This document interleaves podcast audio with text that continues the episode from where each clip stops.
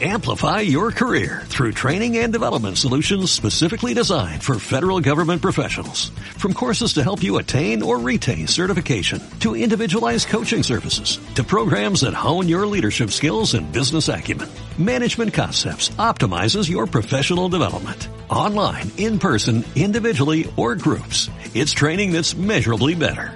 Learn more at managementconcepts.com. That's managementconcepts.com.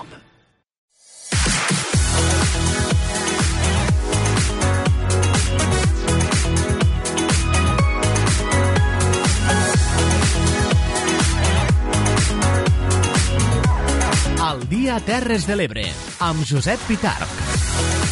Molt bon dia, benvinguts. Són ara mateix la 1 i 5 del migdia. És l'hora ja de començar el programa El Dia Terres de l'Ebre, un programa de ràdio que de manera conjunta fem, fem cinc emissores municipals de les nostres terres i els companys i companyes d'aquestes emissores. Així els estarem acompanyant durant eh, la pròxima hora. Les companyes Teri Giné i Clara Seguí des de la Plana Ràdio, Núria Mora, Clàudia Ruiz i Lluc Magaldí des de Ràdio Tortosa, Laia Oltra i Daniel Rodríguez des de la Cala Ràdio, Judit Castells i Jonathan Valls des de Ràdio Joventut i Eduard Carmona i Leonor Bertomeu des de Ràdio Delta. En poc més d'una hora, en poc menys d'una hora, volem explicar-los els principals arguments informatius de la jornada d'aquest 18 de juliol, unes notícies que avui presenten els següents titulars.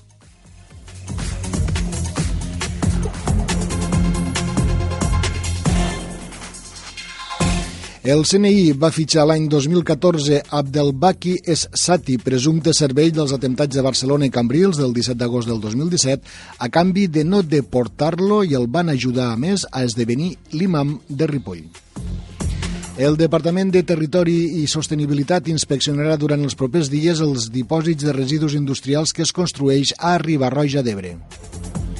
En surt al Parc Natural dels Ports per un foc a Roquetes que va ser ràpidament sufocat. Horta de Sant Joan acollirà diumenge l'acte de commemoració pels 10 anys de l'incendi d'Horta de Sant Joan. Alfons Montserrat deixarà la presidència de l'Institut per al Desenvolupament de les Comarques de l'Ebre. L'Agència Catalana de l'Aigua aprova cinc convenis per millorar el sanejament de quatre comarques catalanes, entre aquestes la del Montsià. Reobert el trànsit al vial que connecta el Passeig de l'Ebre i l'Avinguda de Lleida de Tortosa. Del Tebre ajorna fins al 2020 la renovació de l'edifici de les antigues escoles de Riu Mar. El Delta Chamber Festival aposta pels músics internacionals i per projectar els territorials. Les habaneres sonaran dissabte a la platja de l'Alguer de la Mella de Mar. Una platja que també serà l'escenari del Zumba Beach els divendres a la tarda.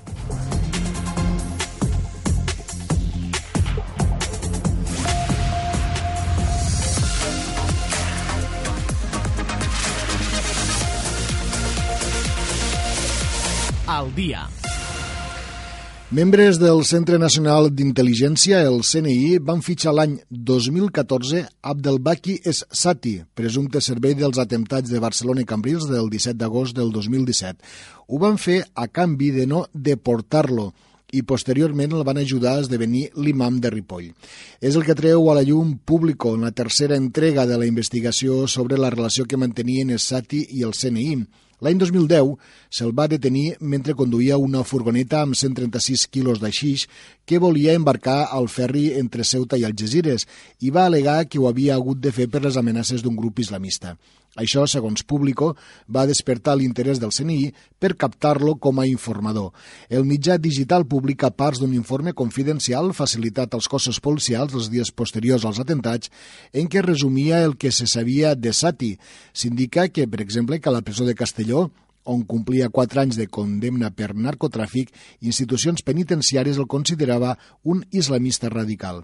Al març del 2012, però, es va traslladar a Ceuta per assistir al judici i quan va tornar, segons que indica la documentació reservada a la que ha tingut accés públic, va mostrar un canvi d'actitud molt pronunciat, amb un perfil baix, que podria haver estat motivat pel temor a ser expulsat cap al Marroc. Aquest canvi d'actitud va fer créixer l'interès dels serveis d'intel·ligència espanyols per captar-lo com a confident, assegura el rotatiu digital, i així el dia 5 d'abril del mateix any Esati va rebre la primera visita de la Guàrdia Civil.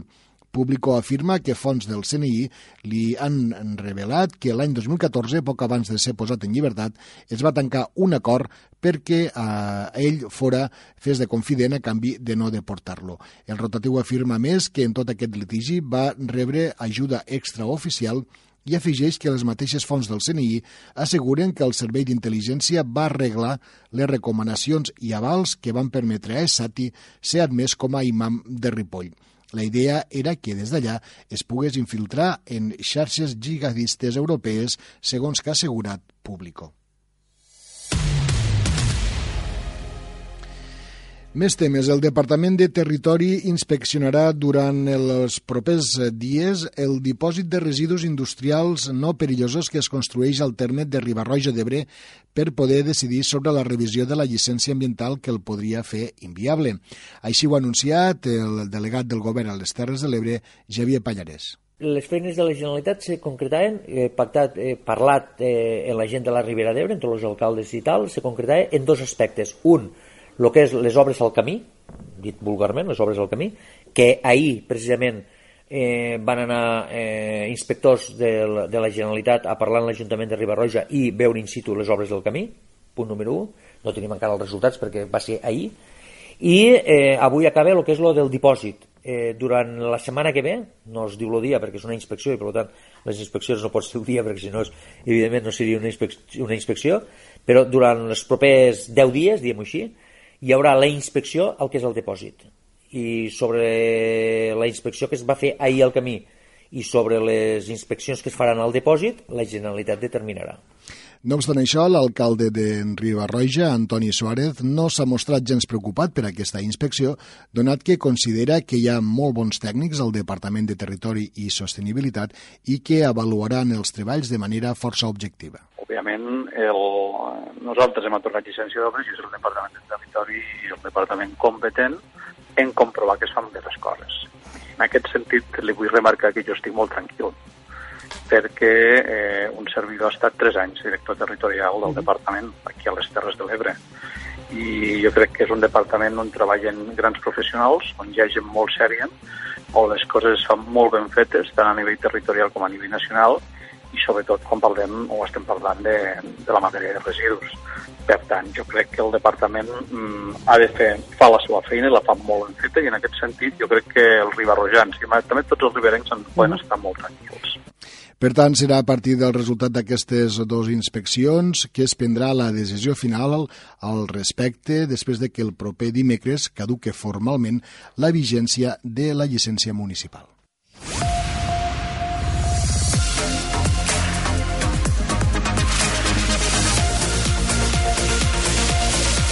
al dia. Més temes. El proper diumenge 21 de juliol s'acompliran 10 anys del fatídic incendi a Horta de Sant Joan, on van morir, recordem, 5 bombers de la Generalitat. Clàudia Ruiz. L'incendi també va afectar 1.140 hectàrees del massís dels ports de Tortosa-Beseit. Diumenge es complirà 10 anys d'aquell episodi. Per això s'ha organitzat un acte de commemoració i suport als familiars de les víctimes al monument que recorda els fets situat a l'entrada dels ports al municipi d'Horta de Sant Joan. L'acte s'iniciarà a les 12 del migdia i s'espera la presència del president de la Generalitat, Quim Torra, així com també del conseller d'Interior, Miquel Buch. Deu anys després, el judici d'aquest cas encara resta pendent. Per això el delegat del govern a les Terres de l'Ebre, Xavier Pallarès, ha demanat celeritat. Bé, és un tema que està al jutjat, evidentment els temes de jutjats eh, poca cosa hi podem dir, la nostra sorpresa i la nostra poc agrat, no? en el sentit que me sembla que al cap de 10 anys un tema que, que ha sigut jutjat, que, que, bueno, que s'ha demostrat en certa manera, doncs hi ha sentències eh, que no s'hagi executat, home, la veritat que demanem una certa celeritat, si, si està la paraula, per a que això eh, poguéssim ser tots molt més àgils, no? I em sembla que han passat 10 anys, ha passat de tot, eh, el bosc ja s'ha començat a regenerar. Per rememorar aquest desaniversari, un grup de bombers, amics i familiars ha decidit crear la plataforma Horta 10 anys per recollir, proposar, decidir i coordinar diverses iniciatives per homenatjar i recordar els bombers morts en aquell incendi. Al seu blog i compte de Twitter anuncien les activitats que han fet i faran com una exposició itinerant de dibuixos, jornades, una cursa de muntanya el mateix 21 de juliol a Horta o un campionat de voleibol platja, entre d'altres. Per cert que la ràpida actuació dels bombers de la Generalitat va evitar mals majors ahir la tarda quan es va prendre un petit focus al Parc Natural dels Ports. Al voltant de les 3 de la tarda la intervenció dels GRAE de la Generalitat i dels ADF de Roquetes, juntament amb els bombers del Parc de Bombers de Tortosa, van poder donar per controlat i més tard per extingit un foc que no va tindre conseqüències. Cal recordar que amb la falta de pluja el terreny està molt sec i que qualsevol imprudència combinada amb els factors climatològics adversos podria causar causar una desgràcia i es va tallar l'accés als ports per prudència, recordem, coincidint amb el foc a la Ribera d'Ebre i l'onada de calor que ens va afectar en les darreres setmanes. Pel que fa a la crònica política, hem d'explicar-los que Alfons Montserrat deixarà la presidència de l'Institut per al Desenvolupament de les Comarques de l'Ebre la propera setmana. La propera setmana es coneixerà justament el nom del seu substitut en aquest organisme, Teregine. Efectivament, Josep. Montserrat prendrà possessió com a diputat al Parlament de Catalunya en els propers dies, ocupant l'escó que deixa la nova presidenta de la Diputació de Tarragona, Noemí Llaurador. Això fa que l'actual president de la Federació d'Esquerra Republicana a l'Ebre, Alfons Montserrat, deixi també en breu el càrrec de director de l'IDC, l'Institut per al Desenvolupament de les Terres de l'Ebre. Així ens ho confirmava per aquest informatiu. arran de que hi ha un corriment en les llistes de, de diputats no, per la demarcació de Tarragona. Eh?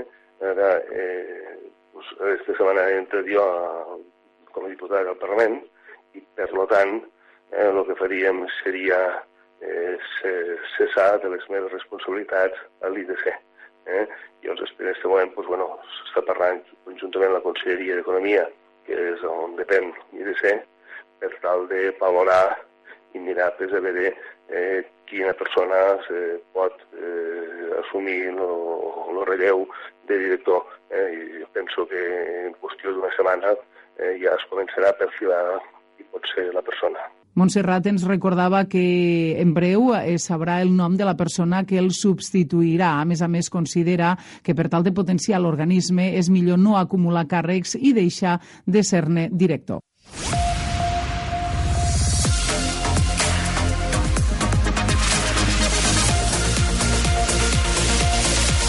Al dia. Encetem la crònica municipal del Tebre ajorna fins al 2020 la renovació de l'edifici de les antigues escoles de Riumar. Amb aquesta remodelació es vol emular les tradicionals barraques del Delta de l'Ebre i es preveu instal·lar un centre social. Leonor Bertomeu.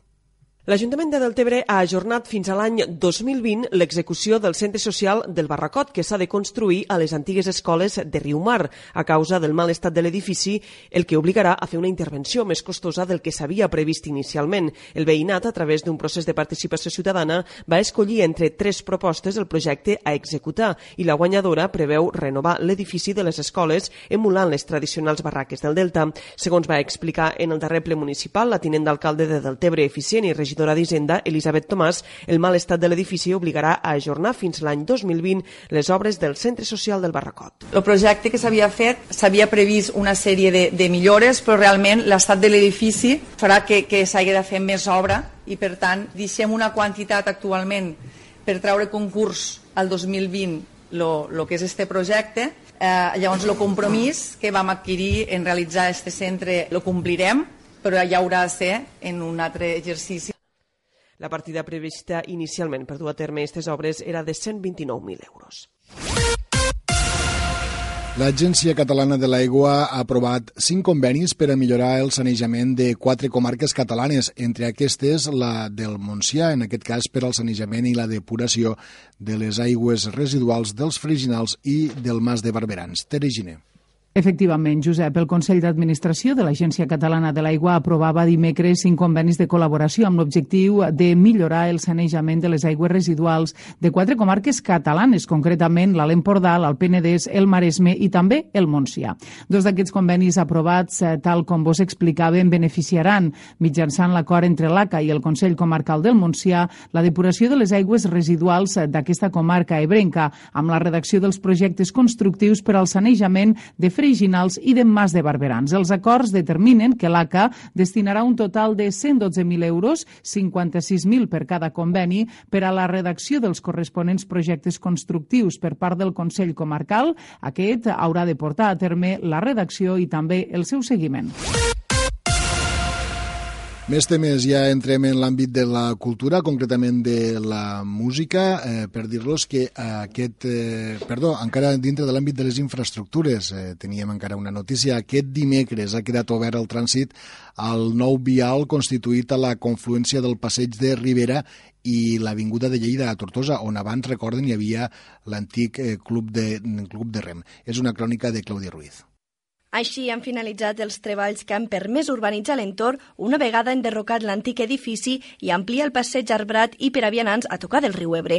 L'actuació suposa una reordenació del trànsit en aquest punt, de tal manera que s'agilitzarà la circulació per entrar o sortir de la ciutat pel pont del mil·lenari. Això comporta un canvi de prioritat viària pel que fa als vehicles procedents del passeig de Joan Moreira. En aquest cas hauran de fer un stop obligatori abans d'incorporar-se a l'Avinguda de Lleida. Per això, davant aquest canvi, la policia local de Tortosa Tortosa reforçarà durant els primers dies la presència en aquesta confluència. Les obres han suposat la conversió de l'antic carrer Miquel Massip en un espai per a vianants i per a bicicletes. També han creat un nou espai amb vegetació immobiliari urbà que durà el nom del Club de Rem Tortosa en record a la seva presència en aquest punt durant 70 anys.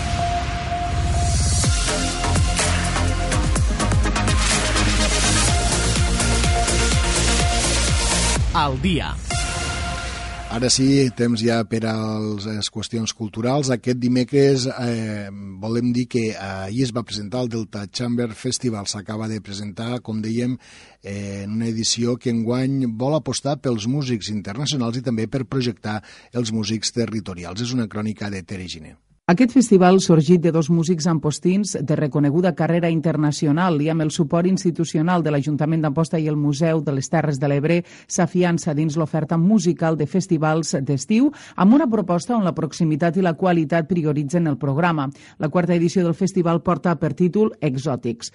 L'alcalde d'Amposta, Adam Tomàs, reiterava la voluntat de l'Ajuntament de tirar endavant aquestes propostes culturals que situen la ciutat al mapa de la cultura. Per la seva banda, els directors directors, Laura Ruiz i Pau Rodríguez, afirmaven que estan eh, satisfets eh, que eh, per segon any consecutiu els concerts del Delta Chamber Music Festival han estat seleccionats per la UR a través de Catalunya Música perquè siguin emesos també en directe o diferit per tota Europa. A nivell artístic, aquest any es comptarà amb la presència de 10 artistes internacionals, a més també de la Young Talent Maria Gil Fibla, oboe nascuda l'any 93 al municipi d'Alcanar i que actualment eh, està concretament a Helsinki. Finalment, i com a guanyadors de la darrera edició del concurs internacional de música de cambra, el grup resident serà el quartet de saxos eh, Kevi Art Ensemble.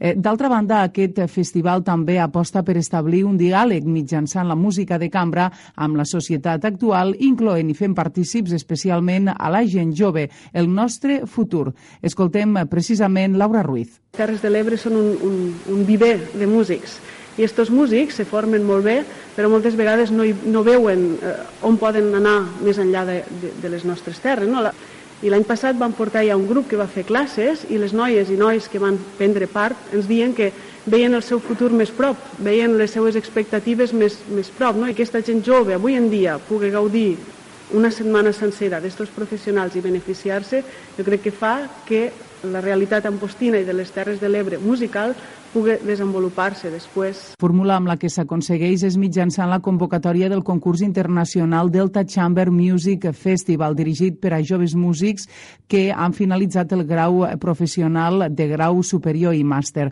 El concurs té una dotació econòmica de 2.500 euros i un concert dins l'edició del festival del 2020 i ofereix també als concursants petits workshops impartits pels solistes de la present edició del festival. Gràcies, Tere. Ja que parlàvem de música, els direm que les Habaneres tornen dissabte a la platja de l'Alguer de la Mella de Mar. Aquest serà l'idíl·lic escenari de la cantada d'Habaneres que compleix 27 anys de vida. Els grups Les Veus de Reus i Sopa de Peix interpretaran cançons que contenen una càrrega marinera. Daniel Rodríguez. Tots dos grups provenen de la capital del Baix Camp, on la Vanera té un arrelament musical. Josep Risueño, de les veus de Reus, i Javier Martín, de Sopa de Peix, expliquen el repertori que oferiran dissabte. Hi haurà, quan parles de la gavina o parles de la calma de la mar, i llavors parlem d'una cosa que jo explicaré, però molt breument, quan fem la calma de la mar o quan fem el canó de Palamós, eh, explicarem, explicarem la història d'aquests caleros que van anar a, a Palamós. I aquest any el repertori que portem va de, des de la vanera clàssica, clàssica, que va, va arribar de Cuba a mitjans de, del segle XIX, eh, fins a la vanera més moderna, com pot ser doncs, un tema, una vanera preciosa que es diu Vestida de nit, que ha fet famosa la Sílvia Pérez Cruz. No? I toquem una miqueta eh, un repertori de, de del baix, no? de, de, a l'ullar dels temps de la vanera. L'escenari vora de la mar, la sorra als peus, el cremat a la mà i un repertori on no hi faltaran les habaneres més populars són els ingredients perfectes perquè el públic pugui gaudir d'aquesta cantada que començarà a les 10 i mitja de la nit. I ens quedem a la Mella de Mar perquè el SEM La Cala proposa ballar zumba amb la sorra als peus. Des d'aquest divendres i durant els propers tres, les monitores i monitors del complex esportiu es traslladaran a la platja de l'Alguer per impartir classes gratuïtes de Zumba Beach. Dani. Aquesta és una de les activitats que s'organitza cada estiu amb la finalitat de promocionar l'activitat física a l'aire lliure, però alhora donar a conèixer l'oferta que té el complex esportiu als turistes. La coordinadora del FEM La Cala, Griselda Gazeni, comenta quins balls es faran.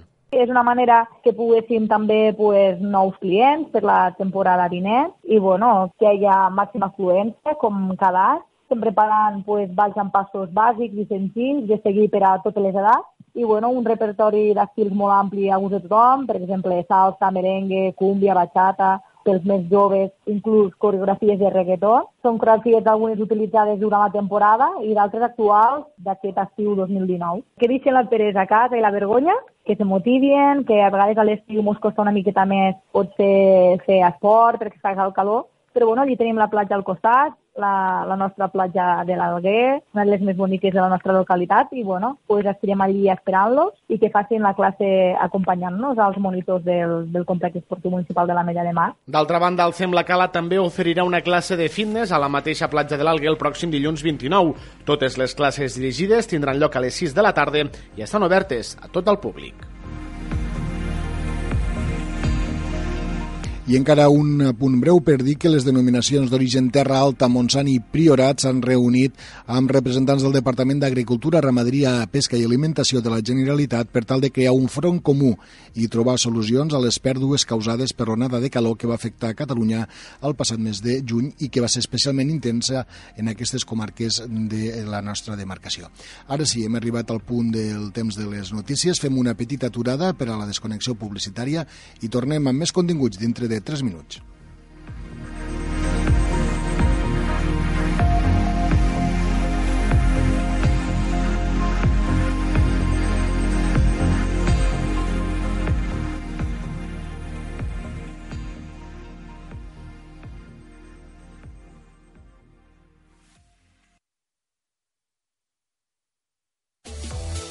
Vols viure una de les aventures més impressionants de la teva vida? Viu l'experiència Tunatur. Gaudeix d'una excursió en catamarà amb sortida del port de l'Ametlla de Mar a la Costa Daurada. Dona de menjar i nada entre els centenars de tonyines roges salvatges. Podràs practicar snorkel i submarinisme i gaudir d'una degustació de la millor tonyina roja al mig del mar. Una experiència didàctica i gastronòmica per gaudir en família. Informació i reserves a tuna-tour.com.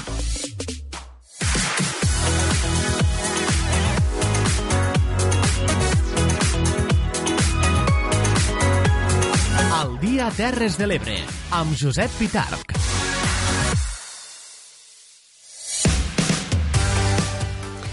El passat dilluns, tal i com els vam explicar profusament, es van constituir els Consells Comarcals. En el cas del Consell Comarcal del Montsià fou nomenat president el republicà Joan Roig, alcalde d'Alcanar. Per altra banda, i parlant d'aquest municipi del Montsià, en les darreres hores ha estat notícia també per les dades preocupants que a través del diari Público anem sabent sobre la cèdula islamista que va perpetrar els atemptats terroristes de l'agost del 2017. En aquest sentit, sembla que el CNI estava al corrent dels moviments dels integrants de la cèl·lula, que l'imam era confident dels serveis secrets des de feia anys, i tot això mentre la Fiscalia no ha volgut considerar com a atemptat terrorista l'explosió que va tenir lloc al Canà Platja. Senyor Joan Roig, bon dia. Bon dia. El senyor Joan Roig és alcalde d'Alcanar i president del Consell Comarcal del Montsià. Eh, senyor Roig, li sembla, anem per parts. Eh, en primer lloc, enhorabona per la investidura com a president del, del Consell Comarcal del Montsià. Moltíssimes gràcies.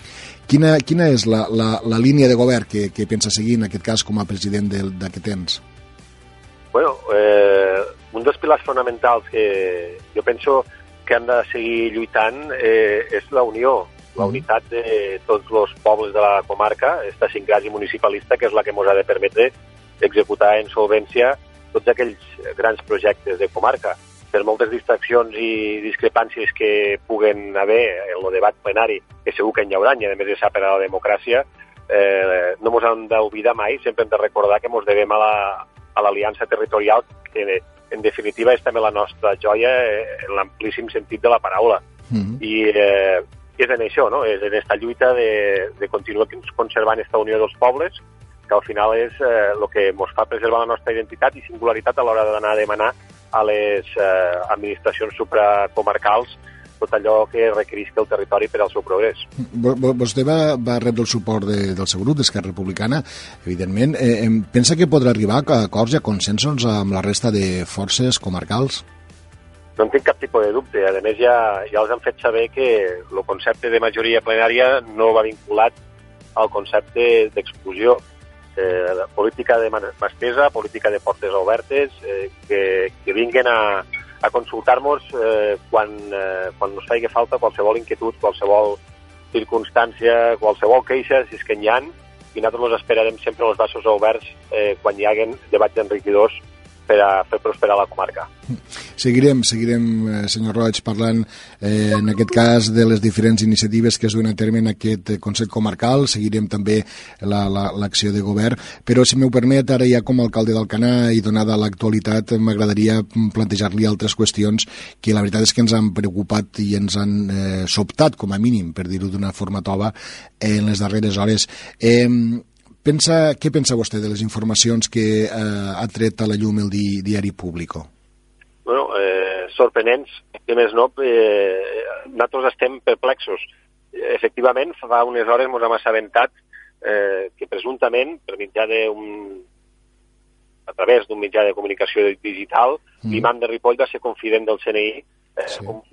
abans de, dels atemptats de, de Barcelona, de Cambrils i també del Canaplatja. Nosaltres mm. considerem que el Canaplatja també va, va haver un atemptat. Ara en parlarem. I, eh, sí, i eh, no mos pertoca a les administracions locals eh, eh, avaluar la veracitat d'aquesta informació. A nosaltres no, però sí que li toca al, al govern espanyol.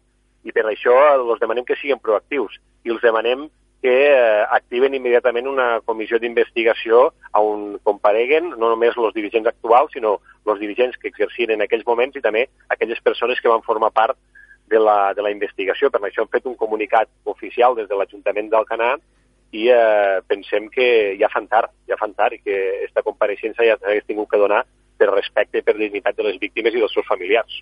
És el que vostè estava dient i també això és una, vostè en aquest comunicat diuen que és una manca de respecte a les víctimes, als familiars i també en aquest cas al municipi d'Alcanar, no? És a dir, com, o, o, o a vostè com a, com a autoritat, a la policia d'Alcanar, no sé, eh, com, com pot ser que, que estiguen treballant, que estiguen seguint a, a aquestes persones dintre del seu municipi i que, bueno, aquí ningú sàpiga res. No, i és un indicador prou clar eh, el que està passant ara eh, de filtra eh, informació de la investigació eh, i nosaltres eh, no en sabem res oficialment i a més, eh, fixeu-vos que en la majoria dels, dels mitjans de comunicació eh, estatals, me refereixo al sí. estat espanyol, mm. no hi ha hagut cap tipus de portada referent a no. aquesta informació que s'ha filtrat. Eh, des dels humans. I, i és, i és me pareix indigne eh, per part dels mitjans de comunicació. Si això no és important, eh, ens hauran d'explicar que ho és. De, de fet, eh, vostè al·ludia als mitjans de l'estat espanyol que s'editen a Madrid, evidentment, però tampoc els que s'editen a Barcelona tampoc hem vist massa, tampoc. massa cosa. Eh? Eh, sí que, eh, per exemple, avui l'únic que encara ho recorda en portada eh, és el Punt Avui. El que, Punt Avui, sí. Sí, que diu això, no? que la comissió del 17 eh, del 17A posa els ulls al CNI que ha citat a la directora de l'ENS eh, i demana les compareixences de membres del Departament d'Interior. Eh, Correcte Eh, senyor alcalde, eh, per altra banda, vostè ho dia abans, la Fiscalia no... Mm, bueno, la Fiscalia diu que el que va passar al xalet d'Alcanar Platja no, no és un atemptat. Eh, què implica això? Només un, un apunt. Eh, Dins de, diguem-ne, del recull de fets del cas, mm. eh, se constata, està contrastat, són indicis, eh, eh, ja són, eh, diguem-ne, fets eh, que s'han estudiat i que estan eh, dins del sumari, 29 ferits, eh, se van trobar cinturons d'explosius, se van trobar explosius que han estat utilitzats en altres atentats, eh, hi ha danys materials per valor de centenars de milers d'euros, hi ha persones que encara no han pogut tornar a casa seva perquè no han pogut, eh, diguem-ne, eh, cobrir els desperfectes que hi havia, i per tant, eh, si en tot això, sabent que allí també va morir l'imam de Ripoll, que era un dels cervells de l'atemptat, al costat d'alguns dels terroristes, i tot això la Fiscalia no considera que pugui estar dins del, de la casuística de, dels atentats eh, de Barcelona i Cambrils, jo aquí estem eh, perplexos al nostre municipi,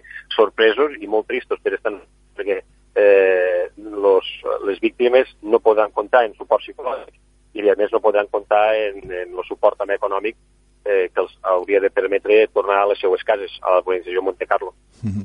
eh, en aquest cas, eh, pel que fa als, als afectats per l'explosió i, i que van, com vostè dia, van patir danys materials eh, importants, no sé si també efectes d'assegurança o, o això, de, de, de tenir l'ajut corresponent, eh, això els afecta. Home, clar, eh, si la Fiscalia al final conclou que allò no va, no va ser un atemptat, doncs les asseguradores, evidentment, eh, seguiran esta via i no rebran eh, no només eh, és el tema econòmic, que també és important, mm. sinó el, el suport eh, psicològic. Ja no n'han rebut fins ara. Senyor Roig, només una última pregunta, eh, ja canviant totalment d'aspecte, de, de tema. Eh, estem a l'estiu, com, com se presenta la temporada estival, la temporada turística a un municipi eh, com, com Alcanar, un municipi on el turisme és molt important? Sí, bé, nosaltres tenim un avantatge eh, al Canà, més concretament a la, a la zona marítima, a, a les cases, eh, que és que no tenim un turisme cíclic, sinó que és un turisme que ens visita tot l'any. Per tant, sí que es nota una lleugera diferència, està clar, en, sobretot al mes d'agost, no? eh, coincidint en, les, en la festivitat de, de les cases. Però, eh, bàsicament, estem acostumats a rebre un turisme gastronòmic i de qualitat durant tot l'any, i eh, per tant estem molt contents. Ara estem preparant també, o estem acabant d'ultimar els detalls per a dotar de, de serveis de, de qualitat òptima pues, a totes aquelles persones que, que, que vinguen i que ens visiten durant aquests mesos eh, de més intensitat. Senyor Joan Roig, no volem eh, molestar més, sabem que està a camí no. d'una reunió a Barcelona i per tant sí.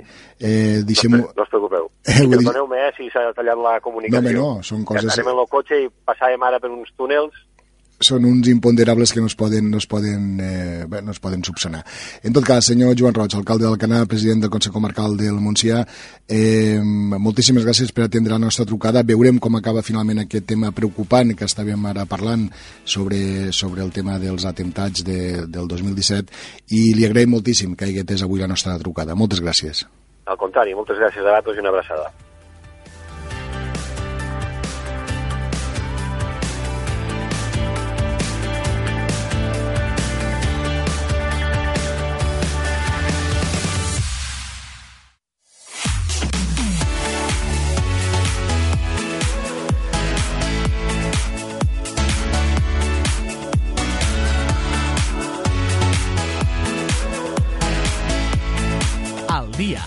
L'agenda de les Terres de l'Ebre. I quan són 20 els minuts que manquen per arribar al punt de les 2 de la tarda, és l'hora ja de conèixer algunes de les activitats que us proposem aquí a les nostres terres.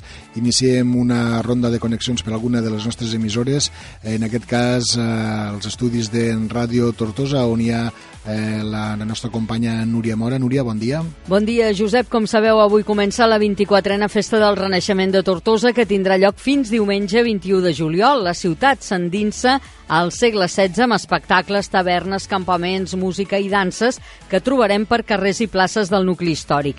Destaquem avui l'acte inaugural de la festa, que començarà a les 8 del vespre a la plaça de l'Ajuntament de Tortosa, continuarà amb l'obertura de portes al segle XVI al portal del Romeu i finalitzarà amb el pregó de la 24a edició de la Festa del Renaixement que tindrà lloc a la plaça de l'Absis de la Catedral i que anirà a càrrec del president de la Unió de Consells Esportius de Catalunya, el senyor Jaume Domingo. I no us podeu perdre tampoc espectacles que comencen avui i es podran veure fins diumenge i que són d'aforament limitat o de pagament, com la taverna d'Enrico, la cantina Cantorum, l'artista invisible, il Festino, la Mandràgora o de Leonardo da Vinci, entre molts d'altres. Recordeu que durant aquests dies participen a la Festa del Renaixement de Tortosa espectacles d'arreu d'Europa amb formacions com els abanderats de la ciutat italiana d'Arezzo o la formació mexicana Cronos Cantus o els escandinaus Merwen. I continuem el repàs, en aquest cas ens quedem al Baix Ebre, els estudis de Ràdio Delta del Tebre, hi ha Eduard Carmona. Eduard, bon dia. Bon dia, Josep. Avui us recordem que us queden tan sols 3 dies per gaudir de les jornades gastronòmiques del Musclo que s'acaben aquest diumenge dia 21. A més a més, també us recomanem no perdre-us els dos espectacles que el Deltebre Dansa ofereix avui, un a les 10 de la nit a la carpa del Deltebre Dansa, a demà de la companyia de Fracto, un espectacle titulat Flaque. I a la mateixa hora també a les 10, però a l'Espai B, en aquest cas a l'Obrador del Deltebre Dansa, la companyia de Magí Serra presenta un espectacle titulat La mesura del detall. Moltes gràcies, Eduard, i eh, acabem aquest repàs de l'agenda. La, en aquest cas, els estudis de la Plana Ràdio a Santa Bàrbara, on hi ha Tere Ginet. Tere, bon dia. Bon dia, Josep. Avui a Santa Bàrbara la festa major està marcada per la Diada de la Paella, una bona paella a menjar en companyia i, a més a més, amb activitats complementàries. A les sis i mitja de la tarda el concurs de ramaderies estirà amenitzat per la ramaderia Vicent Benavent i a les nou i quart hi ha bou capllaçat. A les deu, bou embolat i per la nit, nit de ball amb l'orquestra Juniors. També recordem que a les 3 de la matinada comença la festa jove i a les 4 Crazy Banana Party. Demà divendres, el 50è concurs de tractoristes al costat de la plaça de Bous. Començarà a partir de les 9 eh, del matí i també a les 7 de la tarda un dels actes més destacats, el 57è homenatge a la gent gran. D'altra banda, recordar que demà divendres, dia 19 de juliol, també a les 7 i mitja de la tarda i a Amposta s'inaugura al Museu de les Terres de l'Ebre una nova exposició del cicle Col·leccionar Passions, que porta pel títol La família Torres Soriano i la cultura material dels pastors. Moltes gràcies, Tere, i acabar recordant-los que demà divendres s'inicia a la platja de l'Alguer de la Mella de Mar aquesta, aquesta seguit de ballades de Zumba Beach que es duran a terme durant els propers eh, tres divendres i que dissabte també a la mateixa platja, la platja de l'Alguer, de la Mella, serà l'escenari de la cantada d'Habaneres que ja fa 27 anys que es du a terme en aquest idíl·lic indret de la Cala. Serà, com dèiem, dissabte a la platja de l'Alguer.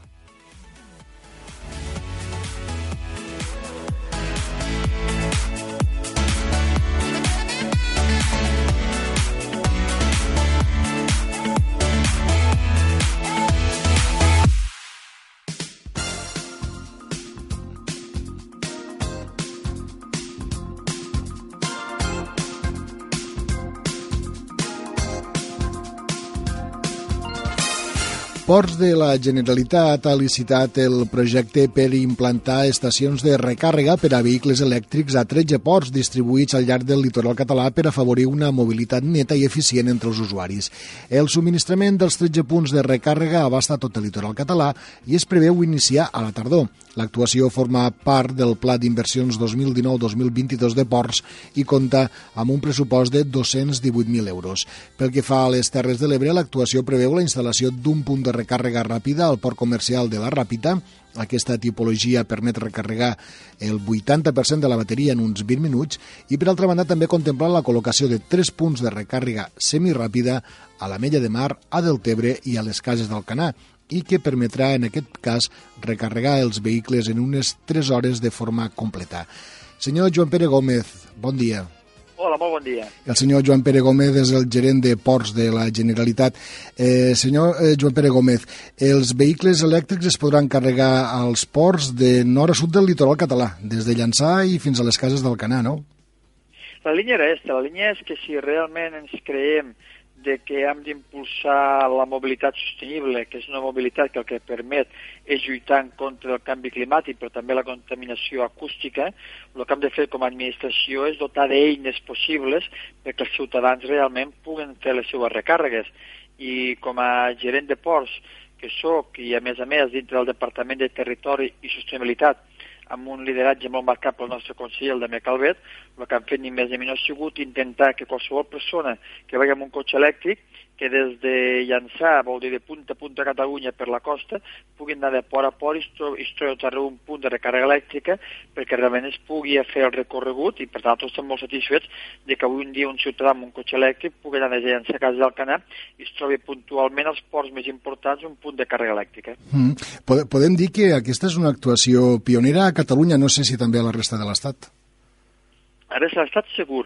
A Catalunya s'estan potenciant a altres llocs, també municipis, punts de càrrega elèctrica, però diríem lo, eh, lo romanticisme de poder dir que des de llançar fins als casos del Canà, això vol dir de punta a punta de Catalunya, per tots els ports, et trobaràs els ports més importants, et trobaràs un punt de càrrega elèctrica, doncs realment sí que són pioners i per tant estem molt contents i cal dir que això és, un, és una etapa inicial i que, per exemple, l'any que ve tenim intenció de fer-ho a altres ports, com ara pot ser l'Ampolla, per no dir-ne d'altres, no? Mhm. -huh. I a partir d'aquí, per exemple, com ara Cambrils, que Cambrils també no l'han ficat, perquè resulta que ja n'hi ha un de l'Ajuntament que està al costat mateix del port, però, per tant, ja hem fet un estudi, el que volem és això, és que un cotxe amb càrrega elèctriques, que ningú pugui tindre excusa i dir no puc anar de port en port perquè no tinc llocs on carregar-los. Per tant, a partir d'ara, amb cotxe elèctric se podrà anar per tots els ports de Catalunya i es podrà disfrutar d'estos vehicles que, torno a repetir, són vehicles que el que fan és eh, reduir les emissions de gasos contaminants i a més a més que el CO2 i a més a més també la contaminació acústica que també la reduïm molt i per tant estem molt satisfets. En, suposo que a, a hores d'ara ja, ja està fora de, de tot dubte que s'ha d'apostar per una mobilitat eh, sostenible. De fet, crec que és un dels eh, temes de país, podem dir, eh, que, que s'estan treballant. Sí, sí, per nosaltres el tema del canvi climàtic no és només una cosa que ara és de moda. I diré per què, perquè ja portem, ja portem temps treballant. Pensa que ara ben aviat aprovarem a la tardor la nova llei de ports i el nou pla de ports, i això són una llei de ports i un pla de ports que portem tres anys treballant-ho. I quan tu m'agafes mirant quins són els criteris que marquen aquesta llei de ports i el pla de ports, un dels eixos principals és tot lo, són tots els temes amb, de les polítiques mediambientals i, evidentment, tots els temes per lluitar, contra, per lluitar i mitigar el canvi climàtic. I això, una d'aquestes mesures és el tema de la mobilitat. I la mobilitat creiem que és important perquè hem de pensar que els diferents cotxes, sobretot, eh, emeten molts gasos amb efecte hivernacle, a més a més de la seva contaminació acústica, el que hem de fer és començar a reduir això i la millor manera és potenciar els cotxes elèctrics i per tant si hi ha cotxes elèctrics han d'haver, si em permeteu, gasolineres elèctriques, per tant han d'haver punts de recàrrega elèctrica. És sens dubte que una de les apostes de l'Institut Català de, de l'Energia és, és això que vostè estava explicant ara. Eh, no obstant, dintre d'aquesta importància que el govern de Catalunya li està donant al tema de la sostenibilitat, de la mobilitat sostenible, eh, Ports està sent capdavantera perquè de fet estem parlant de la primera xarxa eh, a nivell de país. Bueno, nosaltres, com a empresa pública que som del Departament de Territori i Sostenibilitat, torno a repetir-te, per nosaltres això és una prioritat. Eh, hem treballat amb la línia del que ens marca l'ICAEN, que l'Institut Català d'Energia, hem anat de la mateix i, per tant, torno a repetir, som un equip, un equip que realment hi creu molt en tot això. Ara mateix estem amb l'emergència climàtica i, per tant, des de Ports farem tot el que sigui possible a les nostres mans per intentar lluitar i mitigar el tema de l'efecte hivernacle que ens està produint les diferents emissions de gasos. Estàvem dient que l'actuació la, començarà a la tardor, no? Sí, nosaltres el que hem fet ara ha sigut licitar i evidentment una vegada hem licitat hem de veure quins són les diferents propostes que tindrem i a la tardor això ja una realitat i ja, ja podrem, ja, ja podrem executar-ho. I no, això és un primer pla, eh? un primer pla que un segon pla serà en aquells ports que potser ara no tenim, els, també en ficarem més, però això serà ja per l'any que ve, com també passat ara a l'estiu, segurament ens tornarem a parlar, perquè el que volem fer també és potenciar molt tot el tema de les plaques solars, així és que t'avanço, com a primícia, que intentarem també tindre plaques solars a les diferents cofradis de Catalunya perquè es puguin autogenerar la pròpia energia pel seu propi autoconsum. Com veus, el que volem fer és, en definitiva, el que es diu electrificar els ports. Volem que els ports siguin generadors de la seva pròpia energia i, per tant, que no haguéssim de recórrer a energies no renovables. I això també és una de les nostres cites i ben aviat també serà una realitat i espero que em truquis i també t'ho explicarem amb més calma. I tant, gustosament. Eh, ja que parlem amb, amb vostè, eh, senyor Joan Pere Gómez, mm, me deixarà que, que li digui una cosa. Eh, no sé si el fet de que vostè sigui ebrenc, que sigui en aquest cas de la Cala, eh, fa que, mm, que el volum d'inversió als ports d'aquí baix de les Terres de l'Ebre estigui sent més elevada, perquè de fet me permetrà que li digui que estem veient que el volum d'inversió està sent bastant destacat al territori. Ara mateix recordo la recent inauguració d'algunes actuacions al port de, de la Cala, eh, també el, el que s'està treballant al port de la Ràpita, en fi, que, que s'està invertint molt. Sí, el que es va fer també al port de, el passeig al port de l'Ampolla, sí, l'embarcador de Sant Jaume, l'embarcador de Tortosa, Ara anem a fer obres a la, darsa pesquera dels casos del Canà, com també ho farem a, a la darsa pesquera de Deltebre, l'ampliació del port de Deltebre, anem a ampliar el port de les cases del Canà, i estem invertint moltíssim, això és cert, però si em permets, jo sóc de la Metge de Mar, de la Cala, com tu molt bé dies, i m'estimo les Terres de l'Ebre, però com a gerent de ports, doncs miro de que tots els ports de Catalunya tinguin el mateix nivell d'inversió. Uh -huh. Ara bé, pues un, eh, un sempre es mira en carinyo d'on prové i intento que l'equilibri territorial des de ports t'asseguro que es compleixi. Per tant, seguirem treballant amb l'equilibri territorial i, com ara molt bé veus, dels 13 ports, 4 són de les Terres de l'Ebre. Per sí. tant, em sento molt satisfet i pensa que del TV tenim dos punts de recàrrega elèctrica. Els que han ficat ara i un que ara farà cosa d'un any i mig també vam inaugurar amb una marina en col·laboració també de ports. Mm. Per cert, les obres de la Ràpita deuen estar a punt d'engestir-se, no? Sí, vam ahir vaig estar a les festes del Carme mm. i estan molt avançades i jo penso que eh, estava previst pel 15 d'agost i per tant complirem amb l'inicial, el 15 d'agost tindrem ja les obres acabades, però pensa que a l'octubre comencem ja unes noves obres al Port de Ràpita, al moll comercial, però molt important també, estem també parlant i segurament farem un nou dic de raser per intentar corregir tot el tema dels ultrapassaments d'agitació que tenim al port del Cas del Canà, mm. que és un port al qual està fet al revés de tots els ports perquè està orientat sí. la bocana cap al nord-est i això fa que quan arriba el llevant mos entra, mos entra tota la, lo llevant mos entra tot directe al moll i anem a fer inversió de 2-3 milions d'euros. També anem a reforçar el dic de reser de la metge de mar. En definitiva, anem a fer unes inversions de, de molts diners, estem parlant de, de 2, de, exactament, ara estic pensant, de, do, de dos, d'uns 12 milions d'euros, 12 mm -hmm. milions d'euros, aquí a les Terres de l'Ebre en els pròxims 4 anys per tant 12 milions d'euros en aquests moments de crisi que el govern de Generalitat no té diners per invertir, que pogués invertir 12 milions d'euros als ports de Catalunya d'aquí de les Terres de l'Ebre, jo penso que hem d'estar molt satisfets de com el govern, en aquest cas la Conselleria de Territorialitat ens creiem el tema de l'equilibri territorial. I tant que sí. Eh, si em permet, eh, senyor Joan Pere Gómez, li agafo la paraula, per tant, eh, segurament que, que l'anirem trucant, eh, l'anirem trucant per a parlar d'aquestes qüestions, aquestes primícies que vostè avui també ens avançava aquí al nostre programa, i li agraïm, això sí, moltíssim la, la trucada, que hagués és avui la trucada del dia Terres de l'Ebre. Moltíssimes gràcies. Per mi és una satisfacció i sabeu que jo vaig i vinc cada dia a Barcelona quan estic per aquí baix, però que jo parli amb les emissores de ràdio aquí de les Terres de l'Ebre, doncs sempre m'ompli de joia i a la vostra disposició.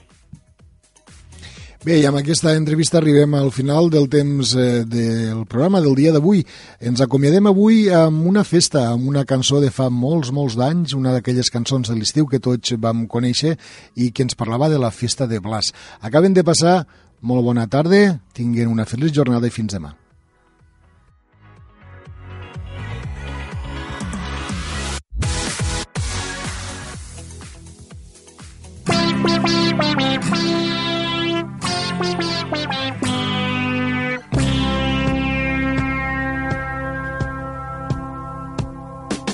Me han contado que Blas está preparando en casa una fiesta esta noche y que podremos vernos tú y yo. Estaremos bailando hasta que salga el sol. Qué felices seremos hablando solo de nuestro amor. Qué felices seremos hablando solo de nuestro amor. En la fiesta de Blas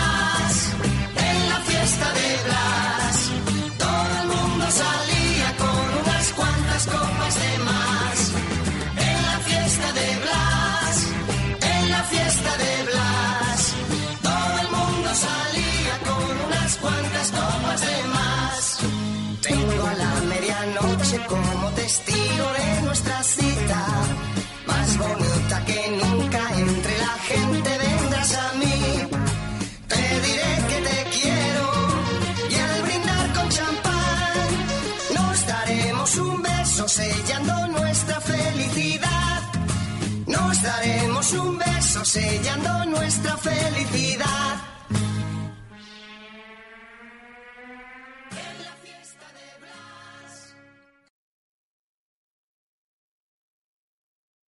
Amplify your career through training and development solutions specifically designed for federal government professionals. From courses to help you attain or retain certification, to individualized coaching services, to programs that hone your leadership skills and business acumen, Management Concepts optimizes your professional development. Online, in person, individually, or groups, it's training that's measurably better. Learn more at managementconcepts.com. That's managementconcepts.com.